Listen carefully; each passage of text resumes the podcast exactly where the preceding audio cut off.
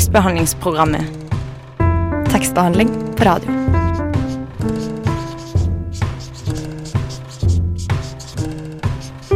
Tekstbehandlingsprogrammet.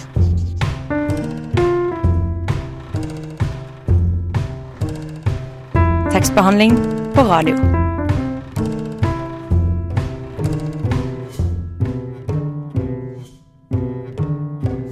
Hei, hei, og velkommen til tekstbehandlingsprogrammet. I dag får vi besøk av forfatter Bård Torgersen, som er aktuell med sin syvende roman. Og Vi skal også høre et innslag om Roald Dahls 100-årsjubileum. Men aller først vil jeg, Stine, introdusere dagens sidekick, som er ny i redaksjonen. Velkommen, Thea. Takk, takk. Eh, For at vi og lytterne skal bli litt bedre kjent med så tenkte jeg at vi kunne ta et lite revolverintervju. Yes. Er du klar? Ja. Det blir ikke så veldig revolverete, for det går ikke så fort. Men Nei, vi prøver. det er bra. Eh, Hva var den siste boka du leste? Ehm, uh, det var vel eh, Sputnik eh, Sweetheart av Murakami. Hva syns du om den? Jeg likte den veldig godt. Veldig litt treig, men fin bok. Mm. Ja. Hva er det slags bøker du liker å lese, da? Det er, jeg er litt uh, altetende når det kommer til bøker, kanskje. Um, liker fantasy, men jeg liker også ja, klassikere, memoarer ja, ja, det mye. Mm. Mm. Eh, Hva er din største guilty pleasure, da? Det er vel egentlig memoarer, eller sånne essaysamlinger av eh, typisk eh, nesten bare kvinnelige amerikanske komikere. Det er liksom det det går i der, på lydbok. Men jeg vet ikke om det er så guilty. Men eh, når det er guilty, så er det veldig greit å ha på lydbok, for da er det ingen som ser. Trenger jeg ikke å bla opp, liksom. Mm, Det er ingen som ser deg på T-banen, eller? Nei, Nei. det er veldig greit. Mm. Eh, og hvis du fikk valgt, eh, uansett hvilken forfatter, både le nålevende og avdød, eh, hvem ville du ha valgt å intervjue? Ja, det er et vanskelig spørsmål. Men eh, kanskje Jane Austen. Bare fordi hun var liksom sin eh, eh, tids feminist, kan man kanskje si. Og det hadde vært gøy å intervjue henne. Nå føler jeg at jeg blir litt bedre kjent med deg. Eh, og før vi får besøk her i studio, så skal vi høre hva vår utsendte reporter på HiOA, Anna, fant ut da hun spurte studenter der hva som eh, er deres favorittbok. Jeg befinner meg nå på Høgskolen i Oslo og Akershus, og jeg er her for å spørre studenter om hva som er deres favorittbok. Min favorittbok er 'Bursdagsgaven' av uh, Sumon Kid. Hvorfor? Fordi den handler om bl.a. vennskap mellom to som ikke kan, egentlig ikke kan få lov å være venner. Hun ene er slave, og den andre er rikmannsdatter. Hva er din favorittbok? Mm, da må jeg nok si Harry Potter, tror jeg. Hvorfor? Fordi eh, det er jo kjempe, kjempespennende og er et eget univers som hun der eh, har skapt. da. Hva er din favorittbok? Beatles. Hvorfor? Den er jævlig bra. Hva er din favorittbok? Eh, det der er vanskelig å svare på, egentlig. Men da jeg var liten, favorittboka mi en som het Rubinrød. Hvorfor? Eh, fordi den handla om å gå tilbake i tid, og jeg syntes det var veldig spennende. Hva er din favorittbok? Eh, jeg tror ikke jeg har noen favorittbok. Hva er din favorittbok? Jeg har ikke én enkelt favorittbok, men heller en bokserie som heter eh, Wheel of Time. Hvorfor? Nei, Det var spennende da jeg begynte på bok én, og så ble jeg skikkelig hekta. Hvem har skrevet denne serien? Robert Jordan har skrevet den. Ja. Hva er din favorittbok? Det må være Pondus, bok nummer ti. 'Ti tette og en badehette' av eh, Frode Øverli. Det er fordi denne boka her sender eh, Jokke på gata, og hvis jeg da hadde vært dame, så ville jeg nok eh, holdt meg eh, inne. Hva er din favorittbok? Jeg er ikke noen favorittbok, men jeg elsker å lese om drama og crime, egentlig. Men jeg leser ikke så mye. That's it. Takk. Det var Skallas eh, 'Nå faller alt sammen sammen'. Eh, og vi i Tekstbehandlingsprogrammet har nå fått besøk av Bård Torgersen, som er aktuell med sin syvende roman, 'Loki'. Velkommen til deg. Tusen takk. Eh, aller først eh, så lurte jeg på om du kunne fortelle oss eh, litt om boka. Fra, fra hvor og når? Hvor skal jeg starte? Litt Eller hva- generelt. eh, bok generelt? Ja. Generelt Jeg har skrevet en bok før den her som heter 'Vær så snill', som eh, den her mm, Loki hører, føler jeg sammen med den. da. Uh, Vær så snill er en bok i, som tar for seg fire personer, og den er i seks deler. Så det er én person som har liksom hver sin hoveddel, og så er det én uh, person som har tre små deler. Og det en, uh, var en bok som var veldig, veldig stillestående og depressiv og føltes ut som eh, bly å skrive. Og føltes veldig sånn eh, i stykkerslått og at eh, fragmentert og ja, en, eh, det er kanskje mest, en, av en av de bøkene som har vært mest ubehagelig å skrive for meg. Uh, og uh, når jeg var ferdig med den, så hadde jeg så fikk en så veldig sånn motsatt følelse i meg at jeg hadde lyst til å skrive Eller hadde ikke lyst. Det, det oppsto en trang i meg til å skrive noe som, som var det stikk motsatte, som bare ville opp. Og som hadde en energi som var sånn eh, Ikke gikk an å stoppe, da. Eh, og da Men den henger også tematisk sammen med den andre boka, at Loki midt i denne teksten møter en av karakterene fra den forrige boka. En som heter Mia. Som vi forlater i Vær så snill på et eh, hotell i Bangkok. Så jeg visste at Loki skulle treffe henne. Det interesserte meg hvordan eh, eh, han kunne dra fra Oslo og treffe henne. Så det var utgangspunktet for å ville skrive denne boka. Ja. Eh, kan du si bare kort hva det handler om? Bare sånn eh, Det er vel ikke så mye handling Mm, her, mm. egentlig. Det handler om eh, en person som vil vekk fra Norge, og som eh, vi blir kjent med akkurat idet han drar fra Oslo, setter seg på en buss og drar eh, flytoget og drar til Gardermoen, er en natt på et hotell, for han kommer en dag for tidlig til flyplassen, og så setter han seg på fly og havner i en asiatisk storby som viser seg å være Bangkok, og virrer rundt til Bangkok for å prøve å finne hotellet han skal bo på, men det kan han ikke fordi han har adressen til hotellet på en mobiltelefon som han har lada ut. Han har en iPhone, men i Bangkok har alle uh, Samsung, så han får ikke tak i noen lader. Og det, handler rett og slett bare om at han eh, Hvordan han loker rundt og til slutt klarer å finne hotell. Og, så det er liksom den ytre handlingen, men Mm. sånn på et annet plan så handler vel eh, teksten om på ett nivå at det er en eh, person som vil høyere og høyere og høyere, og høyere mentalt og fysisk. Så hvis du følger handlingen i boka, så vil du se at han begynner på bakken, og så kommer han ganske høyt, og så kommer han fysisk høyere og høyere og høyere. Og høyere. Og ofte hvis han blir satt fast i en eller annen situasjon, så handler det om at han blir henta, kommer seg inn i et helikopter, eller at han, at han alltid kommer seg høyere på en eller annen måte, da. mm. Det er én måte å se det på, og så er det en tredje måte. Det er at uh, Loki Og dette forundrer meg at det er ingen anmeldere som har pekt på det hele tatt, men Loki er jo en mytisk eh, skikkelse fra norsk mytologi som Loke. Mm. Eh, og så lo, eh, ho, hovedpersonen i boka eh, protesterer på mange måter mot å være et vanlig menneske og har fått, blitt gitt navnet Loki av sin islandske mor og oppfører seg på mange måter sånn som Loke i den norrøne mytologien. Og så er det en fjerde måte å se boka på, og det er at uh, Loki er uh, Nagel 2.0 fra Hamsuns mysterier. Altså, jeg var veldig fascinert uh, alltid vært Eller er fascinert av den teksten. Og en femte måte å se boka på er at den er en slags protest mot all virkelighetslitteraturen. At det er, en, at det er rett og slett en fortelling-fortelling som Uh, fryder seg av å være en fortelling. Mm. Savner du det litt, at det er litt mye virkelighetslitteratur? At du savner flere fortellinger, eller? Om jeg Savner flere fortellinger? Altså generelt da i Ja, norsk for, litteratur? for eh, Ja, ja.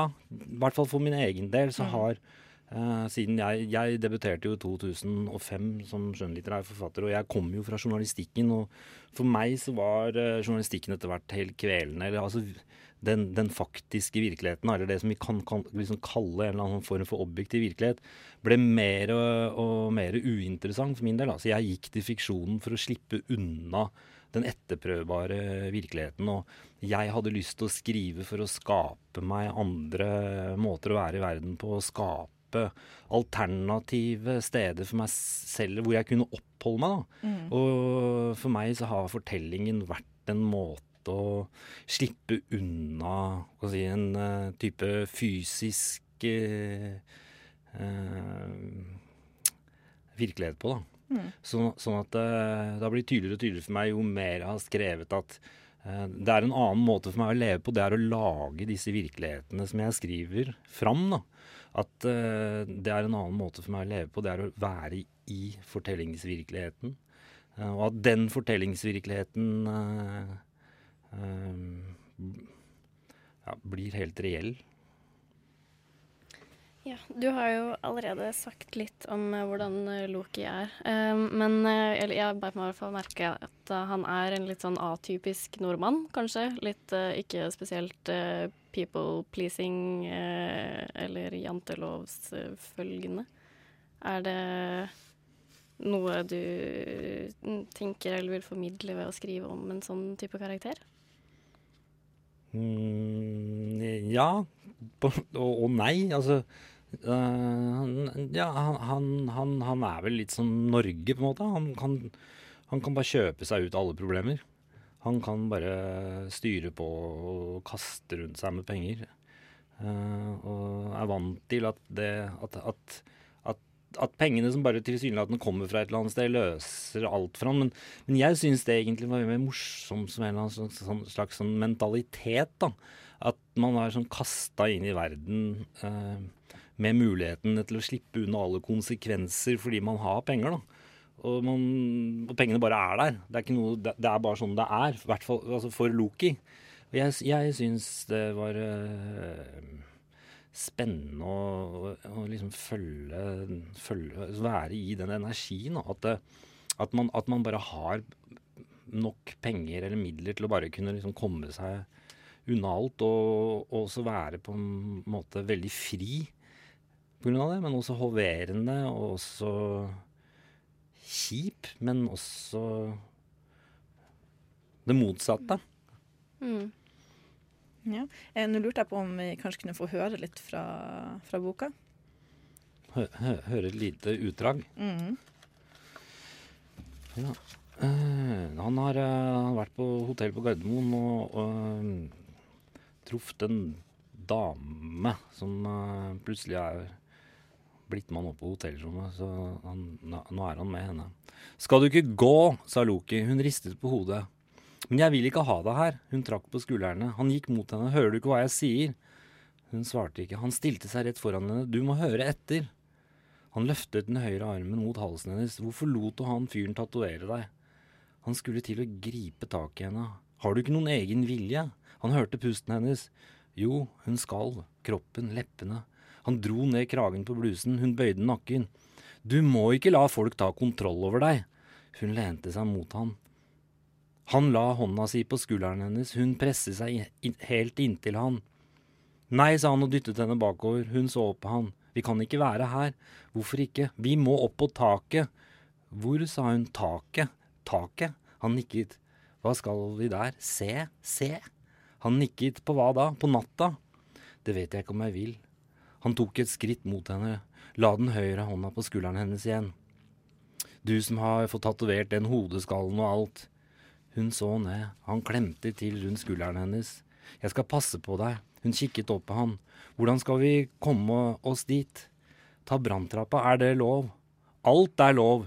Hun så rett på han. Alt er lov. Han nikket. Tusen takk for det. Nå skal vi høre Grå sky med dansegolf. Hallo, mitt navn er Knut Nærum, og du hører på tekstbehandlingsprogrammet. Jeg går i hvert fall ut fra at du gjør det. Ja, Knut Nærum og rett. Du hører på tekstbehandlingsprogrammet, og her i studio så har vi fortsatt med oss eh, Bård Torgersen, og vi snakker om eh, boka hans Loki. Eh, temaet i denne boka er jo stort eh, sett av kunstig intelligens, eh, som eh, Loki er veldig opptatt av. Eh, deler du hans interesse? Ja. Mm, det- Veldig. Ja. Som fortelling, altså det hele det transhumanistiske feltet interesserer meg av Pga. fortellingene som dukker opp innafor det feltet. Så, altså Fortellinger om hvem vi er som mennesker, og hva vår oppgave er, og hva vi kan være i stand til. er altså at Vi begynner å vende tilbake gjennom veldig mye av, av det, diskusjonene og spekulasjonene rundt det som handler om kunstig intelligens, eh, fører oss tilbake igjen til eh, mye tidligere opp, opprinnelsesforklaringer, myter, som vi forlot når eh, eh, vi gikk gjennom opplysningene når vi rasjonaliserte alt. Så, så, så, vi vender tilbake igjen gjennom transhumanismen og gjennom de som er opptatt av kunstig intelligens og sånn, til et univers som kan eh, være skapt, og at det igjen fins en skaper, og at det igjen fins mulighet for uh, gjenfødelse. At, de, at, at man uh, går fra måte, et univers hvor alt er tilfeldig, hvor bare alt har oppstått fra ingenting, til at det, det fins en mening bak alt, men at den fremdeles kan forklares teknologisk. Så jeg, jeg er veldig fascinert av hele den skal si, mytologiske reisen vi har gjort. da, Fra å leve i en verden hvor det var en skaper som var en gud, til at vi fjerna Gud, og at vi sto i sentrum, at vi kunne Eh, eh, dekonstruere alt. Og gjennom eh, vitenskapen har kommet tilbake igjen til veldig av de mange forestillingene vi hadde for veldig lenge siden. Så på den måten så interesserer eh, feltet rundt kunstig intelligens og eh, eh, ja, meg veldig. Det virka som om eh, Loki nesten hadde litt eh, Eller han var litt skuffa over hvor langt vi har kommet på det feltet med kunstig intelligens. Eller han forventa mer. Eller var det bare av Norge, eller var det generelt, og er det noe du mm, også tenker? Nei, nei, nei, nei, jeg tror altså at han, at han, han, han er jo en visjonær, og han føler at ting går altfor sakte. Da. At det er altfor mange som holder ting tilbake. Mm. At, uh, at, han har gått inn i et sånt modus hvor han, at han føler at uh, det eneste vi kan gjøre som er fornuftig, er å prøve å utvikle teknologi, teknologien fort nok. Sånn at uh, vi, vi, får sjansen til å ta det neste skrittet inn i evolusjonen og, og, og sånn før vi blir utsletta. Altså at det, det er rett og slett et kapp kappløp mellom de som prøver å eh, sakke den teknologiske utviklingen, og de som prøver å framskynde den mest mulig. Og han tilhører da den eh, eh, skal si, fraksjonen innafor de som er transhumanister, som ønsker at ting skal gå veldig fort. og, og ikke ønsker at det skal bli lagt noe bånd på på noen måte i forhold til hvordan ny teknologi og kunstig intelligens skal utvikles. da. Så han, han er jo en, eh, en visjonær, men visjonær, eh, en visjonær som da tipper over og, og, og, og blir dogmatisk, fanatisk. Ja. Eh, ja. Mm. ja. og han er også veldig sånn opptatt og dratt mot liksom, høyder om å komme liksom, opp og ut og sånn. Eh, hva kan du si om det? Du var jo litt inne på det tidligere, da. Men er det på en måte en symbol på noe mer? Er det liksom den utviklinga som man savner? Er det det er den forestillingen om, om, å hele tiden å forlate det som er der nede. Altså, han er jo veldig opptatt av, når han er i den uh, asiatiske metropolen nå, at, at, det vanlige livet som foregår nede på bakken, altså de, de, trivielle menneskene som må forholde seg til tyngdekraften og de vanlige tingene, og at jo høyere opp du kommer, jo mer fri blir du fra alt det åket mennesket alltid har båret på. Da. Alt det som tilhører naturen. Altså, jo, når du kommer opp i toppen av en høy bygning som, som, er høyere enn et fjell, så har du liksom kommet så høyt opp du, du kan i forhold til uh, hva, hva, mennesker klarer å frambringe. Da. Og også i denne byen hvor de fattige trivielle menneskene er nederst, og så har du de rike, frigjorte menneskene som bærer i seg mulighetene helt på toppen, helt bokstavelig talt. Da. At han lar seg fascinere av det. Uh, så, men også at han, at, han, at han, blir høyere og høyere jo lenger vi følger han i teksten. fordi han, han vi, vi, vi, følger han vel i, i, omtrent tre døgn, og han sover jo ikke i løpet av den tida. Han, han jazzer seg opp og, og, og, kaver seg opp og fyker av gårde og, og, kommer høyere og høyere og høyere og høyere hele tiden. Også i tankebanene sine. altså at han, at, han, at han luller seg inn i disse tankene, og at han, han forsvinner jo mer og mer inn i sin egen drøm, i sin egen forestilling om hvordan ting skal være. Altså Han har jo ikke noen realitetsforankring etter hvert. Altså han, det er et veldig stort gap mellom hva som egentlig skjer, og hvordan han opplever det som skjer. For han bryr seg jo ikke om hvordan noen andre eh, ser på han, eller på, på det, det, som faktisk skjer. Altså Han lever helt i sin egen forestilling om hvordan ting skal være. Mm. Ja, det er ganske høyt eh, tempo i teksten også. Det er jo som du selv sa, det er jo på en måte en strøm. Eh, hvordan har du jobba med det når du skrev det? Har du liksom skrevet eh, veldig sånn tett over tid, masse over tid, liksom i ett, eller? Jeg, sk jeg, jeg skrev et førsteutkast veldig fort. Jeg skrev eh, over to tredeler liksom, i, i, i, i, en raptus, og så ga jeg det til eh, en som eh, som leste gjennom som, og, som, og, som, kom med en idé og sa det kan ikke slutte her. Og så, og så fikk jeg en idé om å lage en, en, en, del til som også kom i en raptus, og så har jeg jobba etterpå på, på å, å øke tempoet, ta bort for mange digresjoner og, og få, få det til å være som i ett flyt, at det ene tar det andre. Men ikke nødvendigvis sånn i en sånn uh, årsak-virkning som vil være i en psykologisk troverdig roman. mm. Men at det ene allikevel tar det andre. At den ene tilfeldigheten tar den andre.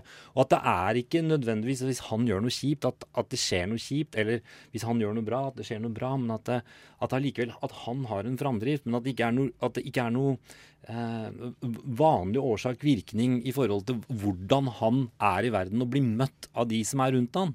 Altså, Han ramler jo inn i masse forskjellige situasjoner og uh, treffer en fyr inni et helikopter som sier han kan komme og holde et foredrag for noen folk på slutten av en dag. og uh, uh, Så det er også et slags sånn tilfeldighetenes spill som jeg er interessert i. en slags sånn Et annet urverk enn et urverk som vi opererer i til daglig, og ofte i litteratur, som liksom går på det at hvordan vi relasjonelt er i forhold til hverandre, er det som driver alt. Og at vi, vi, belønnes og straffes i forhold til hvordan vi er med andre. Og Da syns vi jeg er litt tilbake til, til eh, f.eks. mytene, de gamle norrøne mytene. For de er veldig vanskelig å lese og henge med på. For de følger ikke vanlig moral. Eller moral som liksom har oppstått etter kristendommen, som går på liksom belønning, straff i forhold til om vi er gode eller dårlige. Eller. Uh, så jeg tenker at han opererer i et univers som han har lagd for seg sjøl, hvor han ikke har de samme moralske liksom, måten å være i verden på, og dermed behandler ikke verden han på den måten tilbake heller. Mm. Eller var det som jeg syntes var gøy å jobbe med? At, uh, at det var andre ting som, som dytta han i nye situasjoner enn straff eller belønning. Ja. Vi skal snakke mer om eh, Loke etterpå. Her kommer Åsen med 'Lørdag'. Sangen du nettopp hørte, var 'Lørdag' av Åsen. Eh, Bård Torgersen, du driver jo med mye forskjellig og virker som å være veldig produktiv. Eh, Loki er vel noe sånn som den 14. utgivelsen din på 11 år, eller noe sånt. Eh, jobber du hele tida med nye prosjekter? Hvordan får du inspirasjon til alt det du skriver? Um jeg vet ikke. Jeg, kom, jeg har lagd ting hele livet og har alltid lagd veldig mye. Og og når jeg jobba som journalist, så produserte jeg jo ting hele tida og jobba på oppdrag. og så jeg har også samtidig da drevet og lagd musikk og gjort forskjellige ting. Men, men, men, øh, men, men, jeg vet ikke, jeg ser etter ting hele tiden. Og øh, jeg tror jeg produserer fortelling hele tida i hodet. At jeg, at, jeg, at jeg, må skrive det ned eller notere det ned. Eller, da, um, jeg er veldig rastløs og veldig nysgjerrig, tror jeg. Og, og, det å skrive er en måte å få ro på og, og, og, få fokus på å slippe vekk fra ting, sånn som jeg sa litt i stad. Og en annen greie jeg har lært meg, eller som jeg liker å jobbe med, er at jeg har en slags sånn type eh, eh, jeg vil kalle method writing. Sånn at jeg kan være i en, i en eller annen setting og få en idé. Uh, for eksempel en gang så var jeg på ferie med, med familien min. Og så fikk jeg lyst til å skrive en, eh, en, en, en, bok fra det feriestedet hvor jeg ville at andre verdenskrig skulle gjenutspilles eh, eh, i mindre målestokk rundt et svømmebasseng med liksom tyskere og franskmenn som, eh, som kriga om å ha kontroll over svømmebassenget. Men det, det, klarte jeg ikke å gjøre, da. Men det ble en helt annen fortelling. Men, og jeg lagde noen helt andre personer og sånn. Men da dro jeg tilbake til det feriestedet en gang aleine og en gang med familien min for å spille være de forskjellige karakterene i den settingen jeg en gang hadde vært. Eh, Så jeg liker veldig godt den eh, grenseoppgangen som går mellom å være i verden, eh, oppleve ting, eh, forestille meg hvordan ting kunne vært, eh, og dra tilbake igjen i de settingene og eh, legge fiksjonen over virkeligheten og være eh, Bringe fiksjonen inn igjen i virkeligheten. Så, så ja, jeg tror jeg, jeg, jeg jobber eh, eh, kontinuerlig og konstant med å, å, å, å produsere tekst og, og, fortelling. Eh, ja. Um, og så har du jo skrevet uh, litt forskjellig. Du har jo skrevet både romaner og dikt. Er det veldig forskjell i måten du jobber med de to på? Eh, ja og nei. Uh, romanene er jo ofte eh, De er jo fortellinger. De har karakterer, og de har personer, og de har forskjellige settinger, og de har miljøer, og de, og de har en eller annen sånn handlingsforløp. Selv om alle bøkene har ganske forskjellig sånn dramaturgisk og forskjellig, så, og så føler jeg at alle de på en måte Ikke på en måte, de henger sammen. Sånn som denne her henger sammen forrige, men det fins også forbindelse fra den forrige romanen til andre romaner, eller at, at de utvider seg og bobler ut til forskjellige steder. Og så er det innimellom så er det eh, også fragmenter som jeg jobber videre med, og som blir til dikt eller eh, kortere ting. Som, som, eh, ja, som ja. Og så har jeg en annen åre som er mye mer konseptuell, hvor jeg jobber helt idéorientert. F.eks. den siste diktsamlingen min som heter 'Romaner'. Som bare, altså, det, det er jo en, en idé om å, å skrive dikt som er komprimerte romaner, eller roman, ro, eh, romanfragmenter. da. Og jeg hadde en annen diktsamling som heter 'Du bestemmer', som jeg eh, lagde som et spørreskjema. som jeg ville undersøke et slags nytt type maktspråk, hvor alle som eh, har makt, eh, prøver å bruke et språk som om de er kameraten din, eller jovialisere maktspråket, da. Uh, så jeg, jeg, føler at, så jeg føler at jeg har mange forskjellige liksom, innfallsvinkler uh, til å skrive, men, men, men uh, hovedforskjellen blir nok at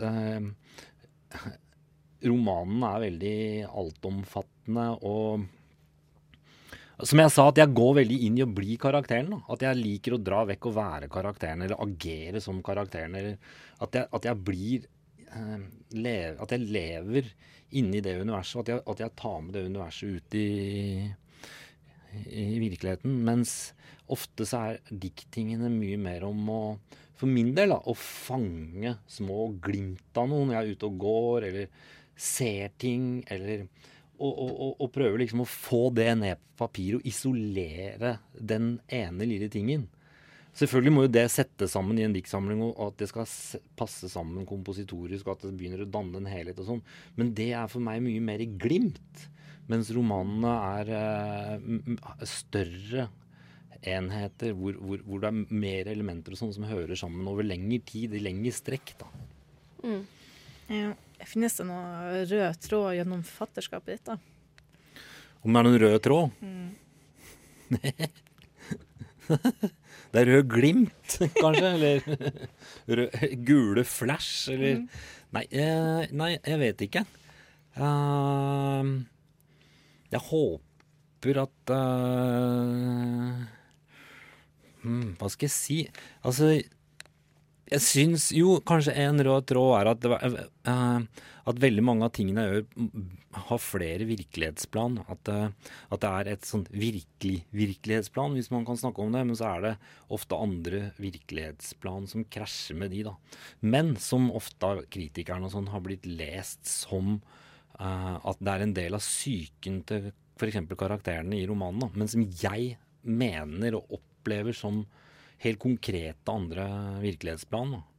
Eh, det kan være kanskje en rød tråd, og en annen rød tråd kan vel være at uh, at jeg har prøvd å gi perspektivet i fortellingene mine til andre enn uh, bare norsk hvit middelklasse som sliter med samlivsproblemer og går i terapi. Mm. Ja, unnskyld. Um, uh, jo, bare litt på sida av ren nysgjerrighet. uh, så står det eh, noen sånne bokstaver i flere av bøkene dine på den første eller andre siden eller noe. Er det en slags kryptisk beskjed til noen? En slags Da Vinci-kodestart?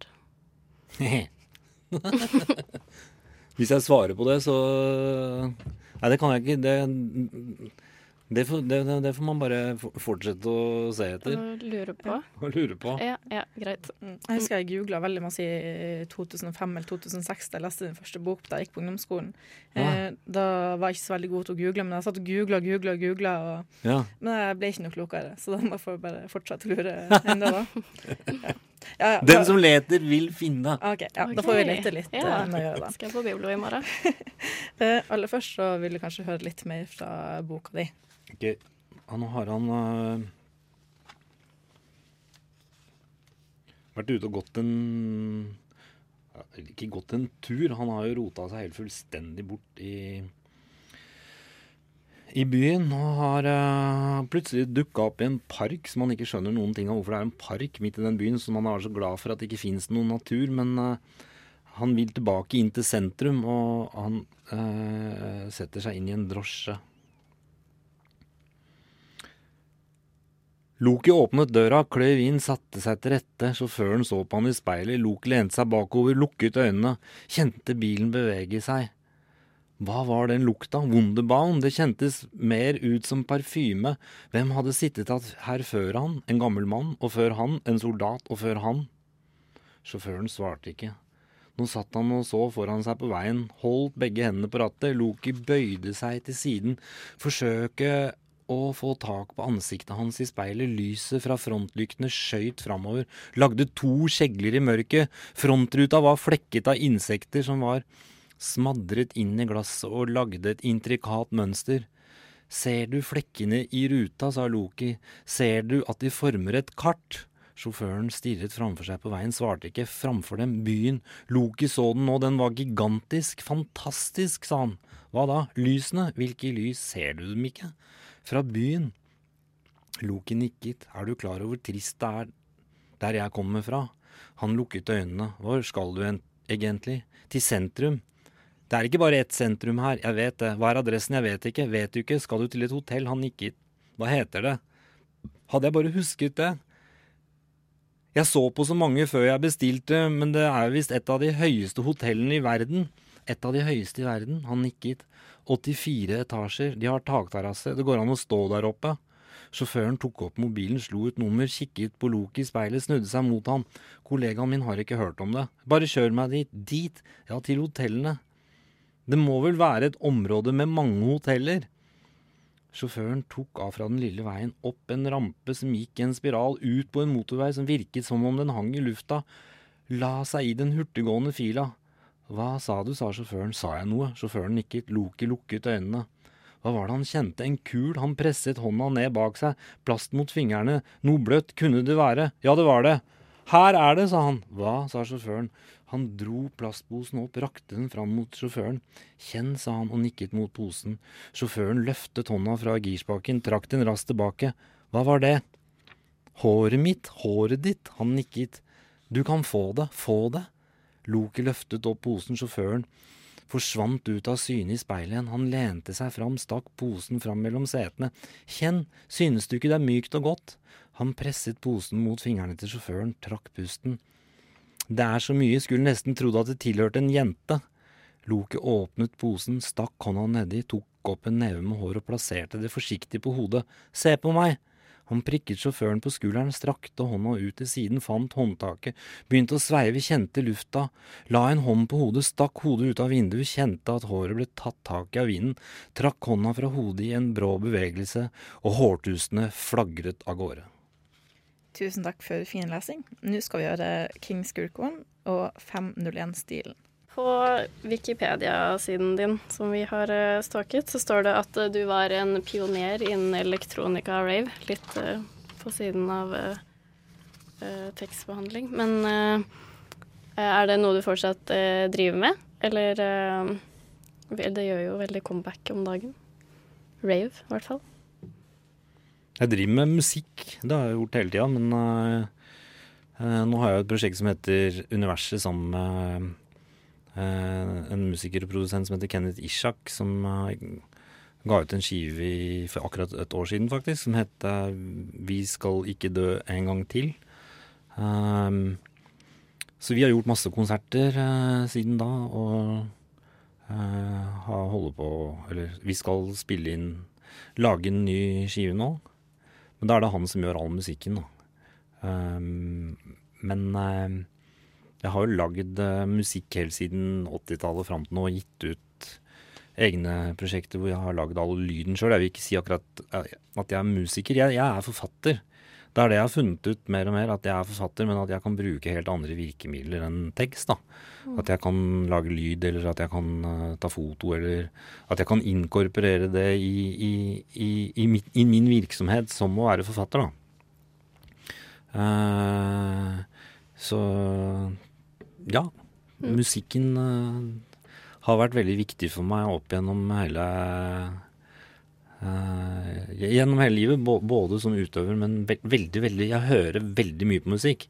Og veldig mye av, av det jeg har lagd, er påvirka av musikk. Jeg hører veldig mye på musikk når jeg skriver, og um, Så ville egentlig kanskje heller vært musiker enn forfatter. En uh, musiker som kunne skrive. Istedenfor å være en forfatter som kan bruke lyd. Men uh, ja. Det virker som du har funnet en bra middelvei, da. Ja. Ja, um, ja um, hvis du skulle ha lydsatt uh, Loki, da, for eksempel, mm. det, hadde det blitt uh, metall, som det er i boka, eller Slayer og så videre? Eller hvordan ville du gjort det?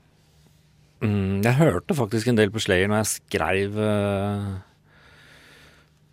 teksten. Uh, det kunne vært det, eller det kunne vært uh, Det kunne også vært noe klassisk, ganske symfonisk Det må være noe med driv, noe som ikke slutter, noe som bare går og går og går. Det kunne, det kunne vært det, eller det kunne vært Det kunne vært, det kunne vært noe elektronisk musikk, og det kunne vært trans. Det kunne vært men det, ha, det, må være en eller annen type musikk som bare går og går og går, og som tilsyn, altså blir en, en, en miks hvor ting bare går over hverandre og aldri har en slutt. da. Mm. Uh, det måtte vært soundtrack. Men det kunne kanskje vært mange forskjellige typer musikk òg, som hadde samme type energi, samme type dynamikk. At det, at, det, at det, ble mer og mer intenst. Men jeg tror kanskje at det måtte være forskjellige låter. At det liksom vakla fra det ene til det andre, men at det allikevel ble holdt sammen av energien. da. Ja. Mm. ja. det det syns jeg, jeg tror jeg kan funke veldig bra. Det hører jeg for meg. Ja. Eh, jobber du med noe nytt eh, litterært prosjekt eh, for tida? Ja. Hva da? Eh, driver med tekster til det nye universalbumet og mm en ny diktsamling og har kommet ganske langt på skissa til en ny roman. Som uh, uh, kommer til å bli veldig annerledes, tror jeg, enn en de Ja, enn de foregående. og kanskje ganske lik. Uh, jeg har lyst til å utfordre meg sjøl på Kanskje gjøre noe som er liksom mer polyfon, som er mer sånn flerstemt.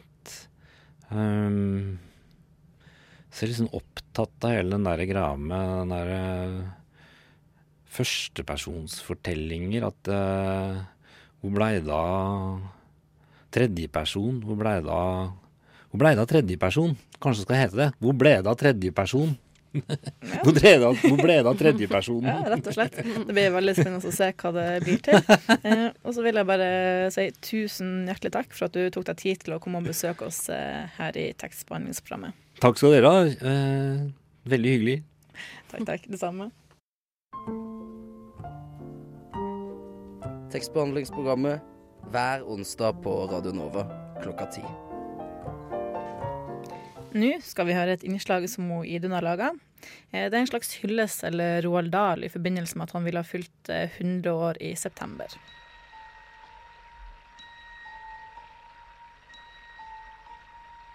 Hold your breath.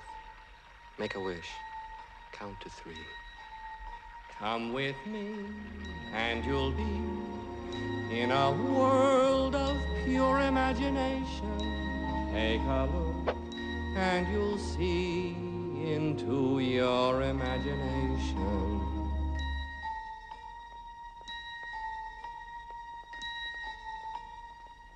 We'll begin with a spin, traveling in the world of my creation. What we'll see will defy explanation.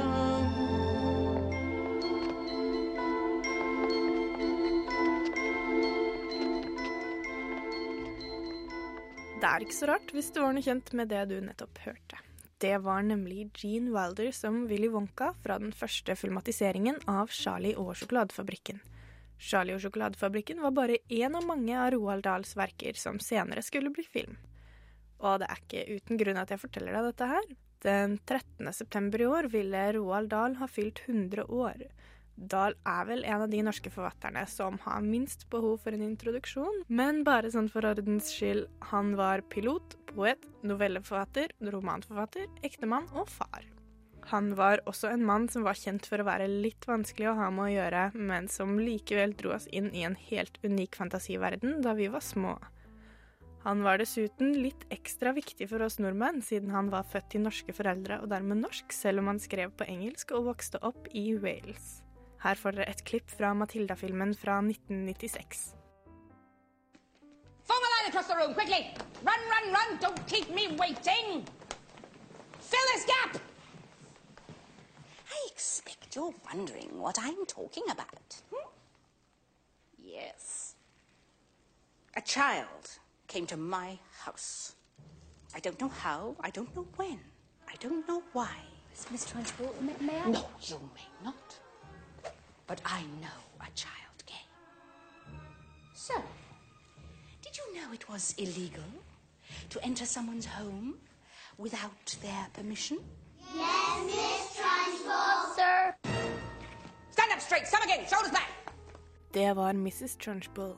Noe av det som gjorde Roald Dahl til et unikum innen barnelitteraturen, var hans evne til å tulle med ting som egentlig ikke er noe morsomt i det hele tatt. Han kunne spøke om et barn som forgiftet sin egen besteforelder, om å falle utenfor et stup eller ned i en kjele, eller om foreldre som ble spist, eller søte små jenter som faller ned en ekornsjakt. De typiske tingene vi har mareritt om som barn, altså. Men han gjorde det på en måte som gjorde det morsomt, engasjerende og nesten sjarmerende. They look quite hideous behind their human face masks and can only be distinguished from ordinary women if you are sharp enough to spot the purple tinge to their eyes. Real witches have no toes. Their feet have square ends, revolting stumps where their toes should be. So they never wear pointed or pretty shoes, just plain, sensible shoes. Remember these things. Perhaps if Erica had known them.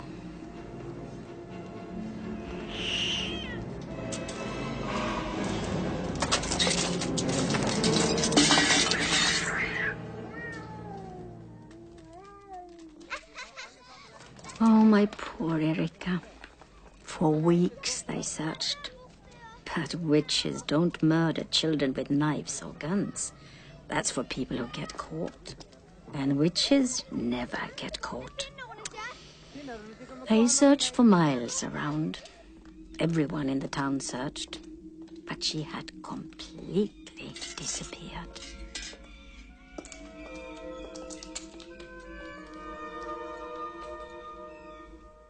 I was there in Erica's house six weeks later. Good day, Fran Larson. Come in, Helga. Have some cake. I was her best friend when it all happened. Then that day, while Erica's mother was pouring the coffee, her father came walking towards us. It was as if though he had seen a ghost. His face was all twisted up as he walked towards the painting behind me.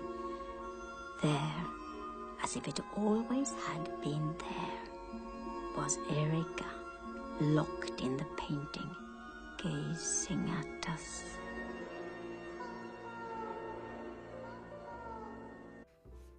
Det var et utdrag fra 'Heksene', filmatisert i 1990.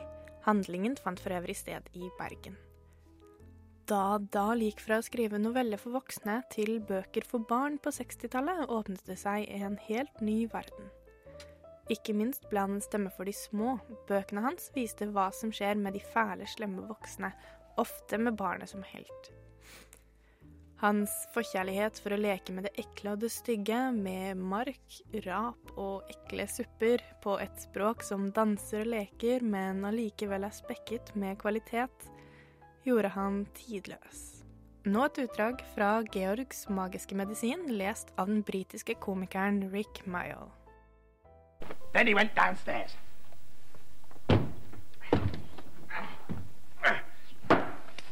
In the laundry room, the shelves were full of all kinds of household items. The first one was a large box of super white for automatic machines. Dirt will disappear like magic.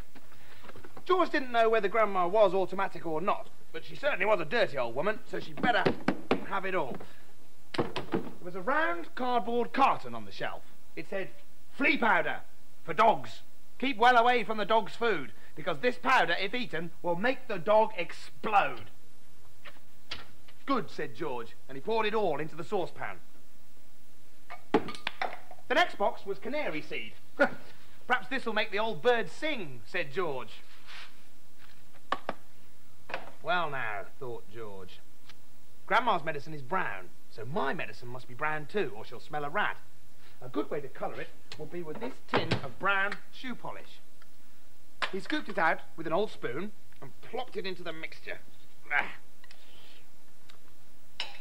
And he was just about to go into the kitchen when he saw a bottle of gin near the door. Grandma was very fond of gin.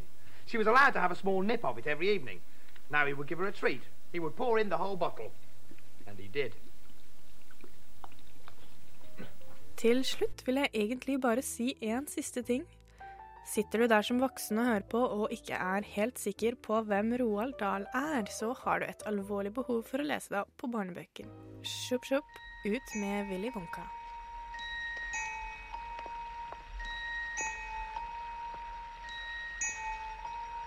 There is no life I know to compare with your imagination. Living there, you'll be free if you truly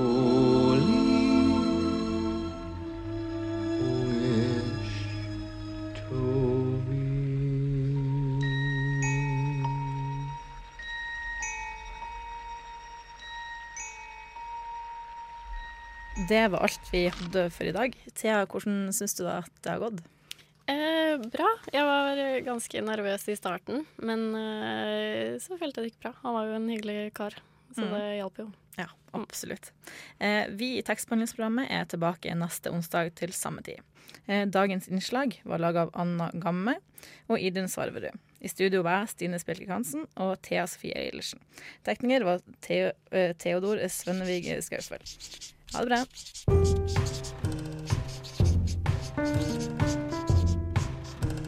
Tekstbehandlingsprogrammet. Tekstbehandling på radio.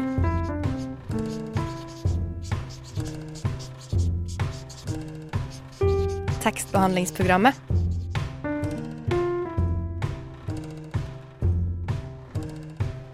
Tekstbehandling på radio.